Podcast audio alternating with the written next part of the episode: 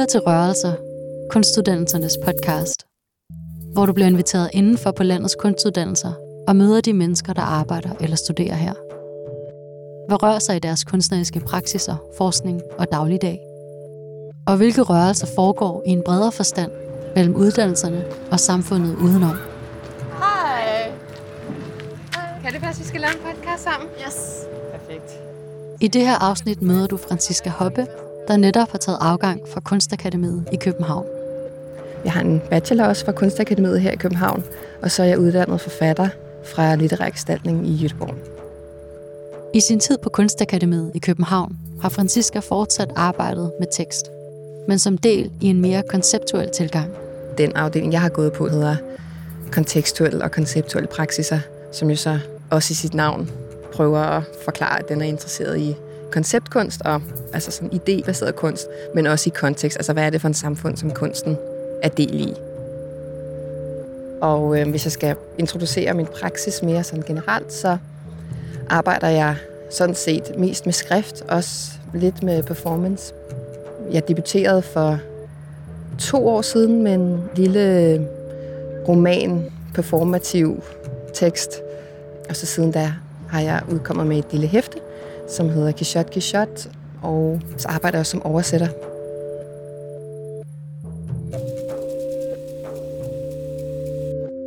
Til sin afgang har Franziska for første gang valgt at arbejde med film. Værket hedder Physics Envy, og det er det, jeg mødtes med hende for at høre mere om. Så vi sidder her ved observatoriet i Botanisk Have med kasernen på den anden side af vejen og Naturhistorisk Museum kan vi se over til. Øh, og hvis der er lidt byggelarm i baggrunden, så er det også en udvidelse af Naturhistorisk Museum, man kan høre. Og øh, altså, vi sidder ved det her observatorium, som jeg tror, der er ikke så mange, der faktisk ved, det er her. Men øh, jeg synes, det var et godt sted at mødes, fordi jeg i mit afgangsværk også tager udgangspunkt i et observatorium i Aalborg, der hedder Urania Observatoriet. Og øh, man starter med at se observatoriet udefra, hvor at solen er ved at gå ned, og der er sådan en douche pastelfarvet belysning. Hvis man kigger godt efter, så kan man se, at der er en lem, der åbner sig i taget. Og når kuppen så begynder at dreje rundt, så kan man se, at det er ligesom en lem, som et teleskop kan kigge ud af. Året er 1665, og et udbrud af pest har netop lukket universitetet i Cambridge. På lydsiden, der er der øh, mig, som taler, og fortæller om Isaac Newton, som i 1665 til 1668, tror jeg det var, faktisk sad i lockdown hos sin mor på det, der hedder Woolsthorpe Manor. Han var studerende på Cambridge, og på grund af pest måtte universitetet lukke og sende deres studerende hjem. Lockdownen var i 18 måneder, og fordi et netværk af familie og tjenestefolk arbejder på familiens skov og vasker hans tøj, kan Newton eksperimentere på sit værelse. De her 18 måneder, han så ender med at bruge hjemme hos sin mor, bliver nogle ret vilde måneder for ham. Han kalder dem selv his years of wonders. Og det er simpelthen fordi, at det er der, han lægger grunden til den teori om tyngdekraft, der senere gør ham så berømt. Hans øh, kalkulus, som er en ny form for matematik, der kan beskrive bevægelse og forandring, finder han faktisk frem til der. Og så opfinder han ja, en ny form for teleskop, et spejlteleskop. Mit værk handler selvfølgelig også om magt og hvad videnskab kan bruges til, og et teleskop kan ikke bare bruges til at se op mod stjernerne, det kan også bruges til at se ud i horisonten efter skibe. Det her teleskop, han så laver, bliver hans adgangsbillet til The Royal Society, som er et videnskabeligt selskab, der bygger på principper om, at hvis man skal finde ud af, hvordan naturen fungerer, så kan man ikke basere sine teorier på antikke forfattere. Man bliver nødt til at gå ud og lave forsøg og basere sine teorier på det. Og hans eksplicite, altså helt udtalte formål med videnskaben er at udvide og styrke det britiske imperium. Og det er så også det projekt, som Royal Society indgår i, og helt konkret koordinerer folks rejser i forhold til, hvad har vi brug for at få indsamlet viden for at blive klogere og for at kunne dominere bedst muligt. Og øh, med tiden ender Newton så også som præsident for Royal Society.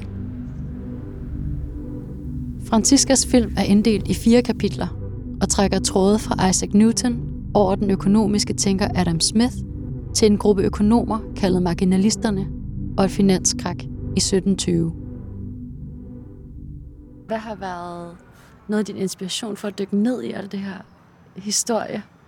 Altså, jeg er nørd. øhm, altså, det er virkelig et projekt, der har varet mange år nu efterhånden. Så jeg kan ikke engang rigtig huske, det fortaber sig på en eller anden måde, men jeg har oversat en bog om kapitalismens historie for nogle år siden, sammen med en billedkunstner, der hedder Hannibal Andersen. Og den oversatte jeg faktisk i Grækenland, i Athen. Og jeg tror, at det at sidde der i den økonomiske krise var en stor del af grunden til, at jeg følte et meget stort behov for at prøve at forstå, hvad fuck der egentlig foregik på sådan en lidt dybere måde måske. 100 år efter Newtons lockdown flytter filosofen Adam Smith hjem til sin mor Margaret Douglas i den skotske havneby Kirkcaldy. Det mit værk helt overordnet interesseret i, er forskellige økonomers fascination af Newton, ud fra en idé om, at naturvidenskaben også vil give deres teorier den ultimative autoritet. Altså, hvis man skal være meget positiv over for dem, så kan man sige, at de vil rigtig gerne prøve at beskrive verden, som den var, for at have de mest præcis mulige teorier, men det er i sidste ende i hvert fald endt ud med nogle teorier, som ignorerer en hel masse ting, og som beskriver kapitalismen som et system, der er naturligt i stedet for menneskeskabt, og som også beskriver det på en eller anden måde som noget, man ikke kan lave om i, at det er en del af naturens orden, den her måde at indrette økonomien på. Fordi de sammenligner og i hvert fald forsøger at bruge matematik og forskellige ting taget fra Newtons fysik til at prøve at få den her autoritet omkring, at deres teorier er universelle, og at de ja, ikke kan modsiges i virkeligheden. Det handler om spørgsmålet om, om økonomi som disciplin er en naturvidenskab eller ej. Og man kan sige, i naturvidenskaben, der bygger man sine teorier på eksperimenter, der skal give de samme resultater igen og igen og igen og igen. Det er simpelthen umuligt inde i, i den økonomiske disciplin. At der er ikke et laboratorium, der er stort nok til at finde ud af, hvad der ville være sket, hvis Obama ikke havde reddet bankerne under finanskrisen, eller at The New Deal ikke havde fundet sted under depressionen i 30'erne. Så der er ikke det her laboratorium simpelthen til at teste teorierne og, og finde ud af, om de holder. Og på den måde er det nok nærmere en disciplin, der ligger sig op af filosofien, som har nogle idéer om, hvordan verden er og hvordan den fungerer. Når Newtons naturlov kunne forklare så forskellige fænomener som tidevandet og kometers baner over nattehimlen, kunne økonomien måske også forklares ud fra nogle universelle principper i menneskets natur. I andet kapitel, der ser man så mig stå og læse en tekst op, mens der bliver projekteret billeder på min krop og på væggen bag mig. Det er blandt andet billeder af en øh, nålefabrik. Det er en tegning af, hvordan man troede, universet var opbygget på det tidspunkt. Og så er det et billede af en gruppe kvinder og nogle børn, der vasker tøj sammen. Den økonomiske tænkning måtte altså studere, hvordan folk opførte sig.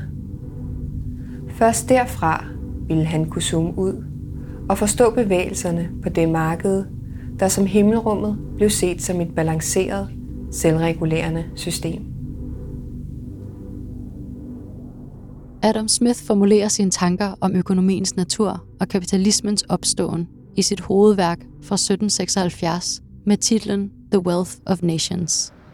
Som er en mursten på, du ved, tusind totalt gnidrede skrevet sider. Altså det er en, et tekstmassiv, som gør, at der er rigtig mange, der ikke har læst bogen, eller har læst få dele af den, og, og på den måde er den også virkelig blevet et værktøj nu her, 300 år efter. Og en sætning, som er meget kendt for den bog, er øhm, sætningen It is not from the benevolence of the butcher, the brewer or the baker that we expect our dinner, but from their regard to their own interest. Så det Smith vil frem med i den her sætning, det er, at slagteren, bryggeren og bageren ikke sørger for bøffen og brødet og øllen til vores middag, fordi de er søde mennesker, men fordi at de tjener en profit på det. Og at det er sådan, i meget høj grad, at økonomien fungerer. Ligesom ham, ignorerede det, at slagteren, bryggeren og bageren kunne handle i deres egen interesse, fordi deres koner og søstre passede børnene og gjorde rent. Ligesom ham ignorerede det, at de fleste mænd, kvinder og børn blev tvunget af nød og ikke af grådighed til at tage jobs, som det mest var i deres chefers interesse, at de tog. Hvis man søger på navnet Adam Smith, så dukker der meget hurtigt op, at han er the father of capitalism. Han er den første, så vidt jeg i hvert fald har stødt på, der sætter navn på den her nye type samfund, som er ved at opstå, da han lever, som er et kapitalistisk samfund, i stedet for det feudale samfund, der var der før. Og Han kalder det The Commercial Society, hvor alle er købmænd af den ene eller anden slags, hvor man enten må sælge varer eller sin egen arbejdskraft for at overleve. Og det er også, mens han skriver, at den industrielle revolution er ved at begynde. Han beskriver faktisk allerede på den første side i Wealth of Nations, at han besøger den her nålefabrik, hvor at 10-11 personer, måske børn, det skriver han ikke noget om, arbejder med at lave knappenåle, og hvordan at de ved at fordele arbejdet imellem dem og være specialiseret, kan øge produktionen helt enormt meget. Man kan sige, at det han beskriver er division of labor, altså øh, arbejdsopdeling, som er en af grundstenene i den kapitalistiske produktionsmåde. Det, der så er sjovt, og som de færreste ved, er, at han faktisk til sidst i bogen siger, at division of labor er en monstrøs opfindelse, og at den vil tvinge 90 procent af befolkningen til at leve i en fuldstændig ekstrem fattigdom og have nogle forfærdelige liv, hvor de laver den samme bevægelse hver dag i 40 år. Men for at de fabrikker kunne opstå under den industrielle revolution, så blev der jo nødt til først at være nogle folk til at arbejde i de her fabrikker. I det feudale samfund, der havde en stor del af bønderne arbejdet for lokale herremænd, men mange havde også været selvstændige bønder. I hvert fald, der havde de adgang til den jord, der kunne gøre, at de kunne dyrke den mad, som i sidste ende opretholdt deres liv og alle mulige måder at reproducere deres eget liv på. Så fra at kunne dyrke deres egen mad og bo på den jord, som de havde boet på i generationer, så blev de nu nødt til at sælge deres arbejdskraft for at købe den mad, de før selv havde dyrket. Og på den måde opstår der denne her kæmpe store gruppe af mennesker, altså majoriteten af Englands befolkning, som pludselig bliver nødt til at sælge deres arbejdskraft, og deres efterkommere bliver så de arbejdere, der arbejder i fabrikkerne i England. Og det i den her fortælling om kapitalismen som en naturlig udvikling, eller som noget, der altid ligger som et potentiale i mennesker. At hvis bare de bliver fri til at gøre, hvad de vil, jamen, så vil kapitalisme ligesom være produktet. Den glemmer lidt at tage højde for, hvordan det faktisk er sket, og at kapitalismen som system ikke altid vil udvikle sig, hvis der er nogle bånd, der giver slip. Så man kan sige, det er først, da den brede befolkning mister deres adgang til jorden, at den profitjagt og øh, effektivisering af produktionen kan begynde, som Smith sig i sin bog ender med at kalde en universel del af menneskets natur. At antropologer siden har slået fast, at mennesker levede i grupper, der delte med hinanden, har ikke kunne vælte mange økonomers idéer om, at effektivisering og egoisme altid har været den kraft, der holdt sammen på menneskers samfund. Pangdangen til universets tyngdekraft, der holder planeterne i deres baner og æblerne faldende mod jorden. Der er et begreb, som jeg tit har stødt på i min læsning, som hedder Physics Envy, som også er titlen på min video, som handler om økonomernes Physics Envy, altså deres forsøg og stræben efter at blive en videnskab som fysikken. En del af projektet med at gøre økonomien til en videnskab som fysikken er også, at disciplinen bliver delt op i politisk filosofi og økonomisk videnskab. Og på den måde, i en økonomisk videnskab, i naturvidenskaben, der taler man ikke om moral. Så det, der sker, er også, at den politiske diskussion, som trods alt har været der indtil da, den forsvinder ud af diskussionerne. Og at det fag, som indtil da reelt var blevet kaldt political economy, skiftede navn til bare economics. De her økonomer Walrus og Jevons, som var en del af en gruppe, der hedder Marginalisterne, de ville gerne have, at økonomien skulle være en form for værdifri zone, uden diskussioner om, hvordan samfundet burde være. Og i stedet fokuseret på at beskrive, hvad der var. Det er i hvert fald den positive udlæggelse af, hvad de havde gang i. Det de blandt andet prøver at gøre, det er at gribe ud også efter billeder fra fysikken til at beskrive økonomien med. Så for eksempel både Walras og Jevons bruger billedet af et pendul, der svinger, og som så ligesom finder ro. Tyngdekraften hiver i det, og på et eller andet tidspunkt, der er tyngdekraften forhævet så meget, at pendulet hænger stille. Det sammenligner de med, hvordan at hvis bare man fik lavet de rigtige priser på tingene, jamen så ville alt også blive helt smooth og velfungerende og konfliktfrit på en eller anden måde. Men problemet er bare i deres brug af matematiske formler, at øh, de har brug for, at mennesker opfører sig forudsigeligt. Ellers så kan de ikke bruge dem i formlerne. Og derfor bliver de også nødt til at lave en model over mennesket, som de så kan proppe ind i de her formler og ligesom få deres svar på, når hvis man justerer lidt over på det her håndtag, så får man det her resultat. Og det de blandt andet så tager fat i, er den her idé fra Smith om, at mennesker handler ud af egoisme.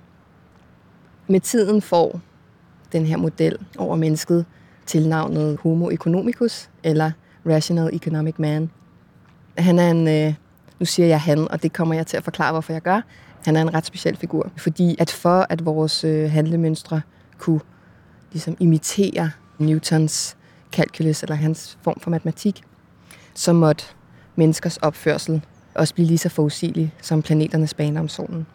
Og det, der så sker, det er, at de i deres teorier understreger, at mennesket altid har været et nyttemaksimerende, isoleret individ.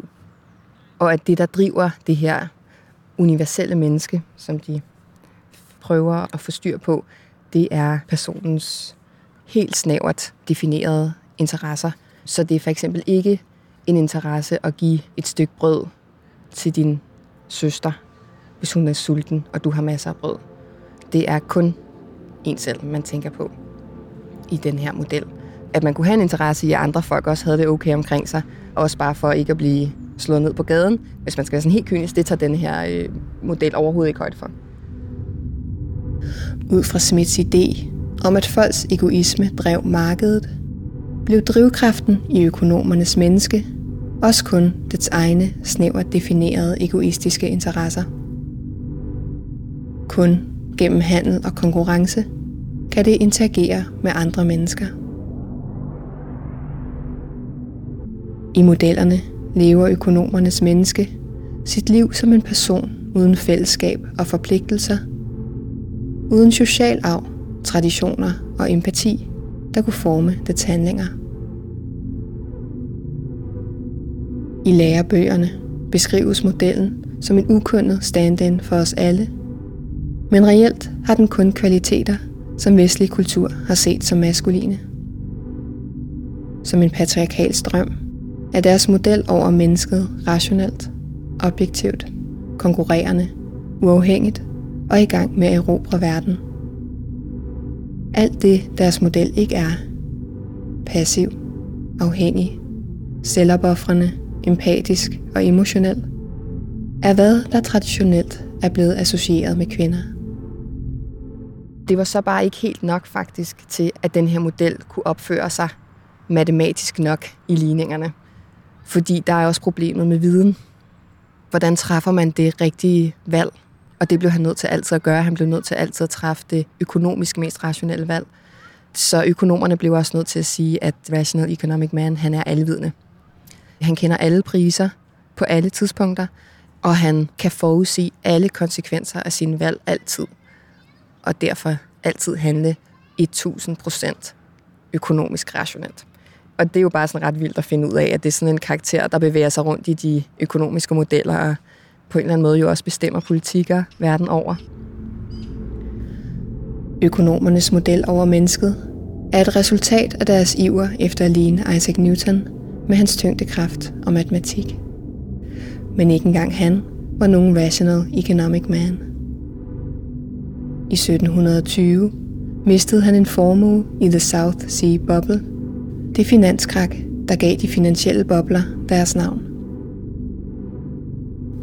I 1713 fik The South Sea Company monopol på handel med slavegjorte afrikanere til de spanske kolonier i Latinamerika, mod at påtage sig en stor del af Storbritanniens statsgæld. Falske historier om virksomhedens succes fik firmaets aktier til at stige eksplosivt i de første måneder af 1720, og redde med af nationens entusiasme for menneskehandel, købte Newton stort ind lige inden boblen brast. Han mistede, hvad der i dag svarer til 200 millioner kroner, og i min fantasi forlader han et fuldstændig raseret soveværelse som reaktion. På hans tid var astronomien stadig viklet ind i astrologien, og over ham glimter en himmel fuld af tegn og varsler.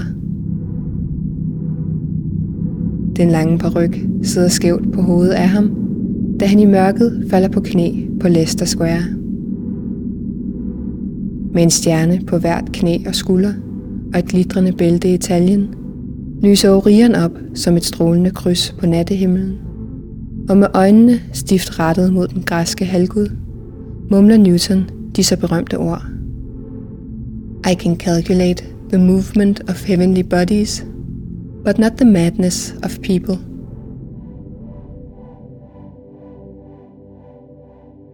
Franciscas interesse for historieskrivning og det kapitalistiske samfund rækker både tilbage til før hendes afgangsprojekt og slutter heller ikke med værket Physics Envy.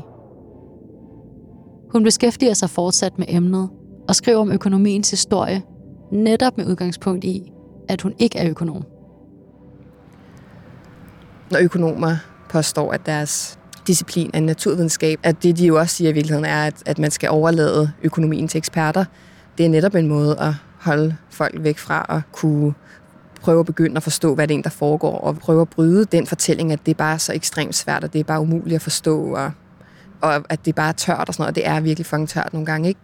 Men det behøver det jo ikke at være, og det er også en måde at holde folk væk fra det. Fordi egentlig er det super interessant og spændende, hvis man... Ja, sådan er det jo med alting, ikke? er super interessant og spændende, når man først går ordentligt i lag med det, ligesom. Altså, jeg er ikke akademiker. Jeg er uddannet billedkunstner og forfatter. Så der er også noget med at tro, at jeg kan det. At jeg kan godt skrive en bog, der handler om økonomiens historie. Og den bliver selvfølgelig ikke udtømmende, og det bliver jo ikke en lærebog. Altså, det føler også en pointe i sig selv, faktisk, at sige, at det, det kan jeg godt. Det er et forsøg på at skrive om økonomi og den disciplins historie på en måde, som er sanselig og sjov og underholdende. Altså i virkeligheden et form for pædagogisk projekt, kan man sige, men et projekt, hvor at jeg selv lærer rigtig meget imens. Og det er sådan set drivkraften i det, er, at jeg er nysgerrig, og jeg gerne vil prøve at forstå noget, ligesom. Og at en del af at forstå det er også at prøve at skrive om det. Og nu siger jeg jo sådan der, at det er et på en måde pædagogisk projekt. Men jeg tror nok, jeg har oplevet, i hvert fald på akademiet, at det der med at være didaktisk, eller på den måde, det er virkelig fy-agtigt. Det har jeg sådan set altid oplevet som enormt ærgerligt. Jeg mener ikke, at man nødvendigvis taler ned til folk, fordi man deler viden med dem. Men jeg tror, jeg har oplevet ret meget, og det er selvfølgelig også fordi, potentielt set, det kan meget vel være, at jeg har lavet nogle dårlige værker, som ikke har lykkes med at gøre det på en ordentlig måde. Men jeg har oplevet lidt, at der var sådan kritik omkring, at det at ligesom ville fortælle nogen noget, at det gav ikke folk selv mulighed for, at, at de var i værket, eller at de kunne tænke deres egne tanker på en eller anden måde. Og det har jeg bare altid haft enormt svært ved at forstå, må jeg bare helt ærligt indrømme. Fordi at jeg siger, hvad jeg tænker, eller hvad jeg tænker på, så mener jeg ikke, at folk holder op med at tænke selv det jeg så også har oplevet, er måske også en form for mistænksomhed omkring at vi lave noget, som faktisk gerne vil underholde og gerne vil på en eller anden måde forføre, fordi det igen bliver set som sådan lidt suspekt, at man på en eller anden måde manipulerer med folk, men altså, jeg mener, at al kunst er manipulation. Al tekst er det også. Folk må lave præcis den kunst, de vil, men for mig giver det ikke mening at lave kunst, som er en lidelse at udstå, eller er vildt kedeligt og det har måske også noget at gøre med, at jeg rent faktisk gerne vil skrive en tekst, som ikke skal være for en lille udvalgt skare, som præcis kan, du ved, på en eller anden måde sætte pris på kedsomheden i det, eller et eller andet, hvilket også er okay, altså folk må lave helt, hvad de vil, men at jeg vil faktisk gerne nå ret bredt ud, og føler selv, at øh, bøger har betydet ekstremt meget for mig, og hvad jeg har mulighed for at tænke og leve for den sags skyld. Det giver sgu bare bedst mening for mig, sådan.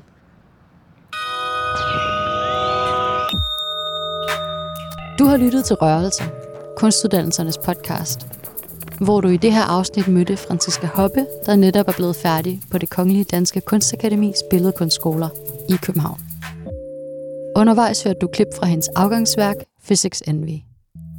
Og her til sidst vil jeg komme med to ret forskellige anbefalinger, hvis du skulle have lyst til at dykke videre ned i kapitalismekritikken.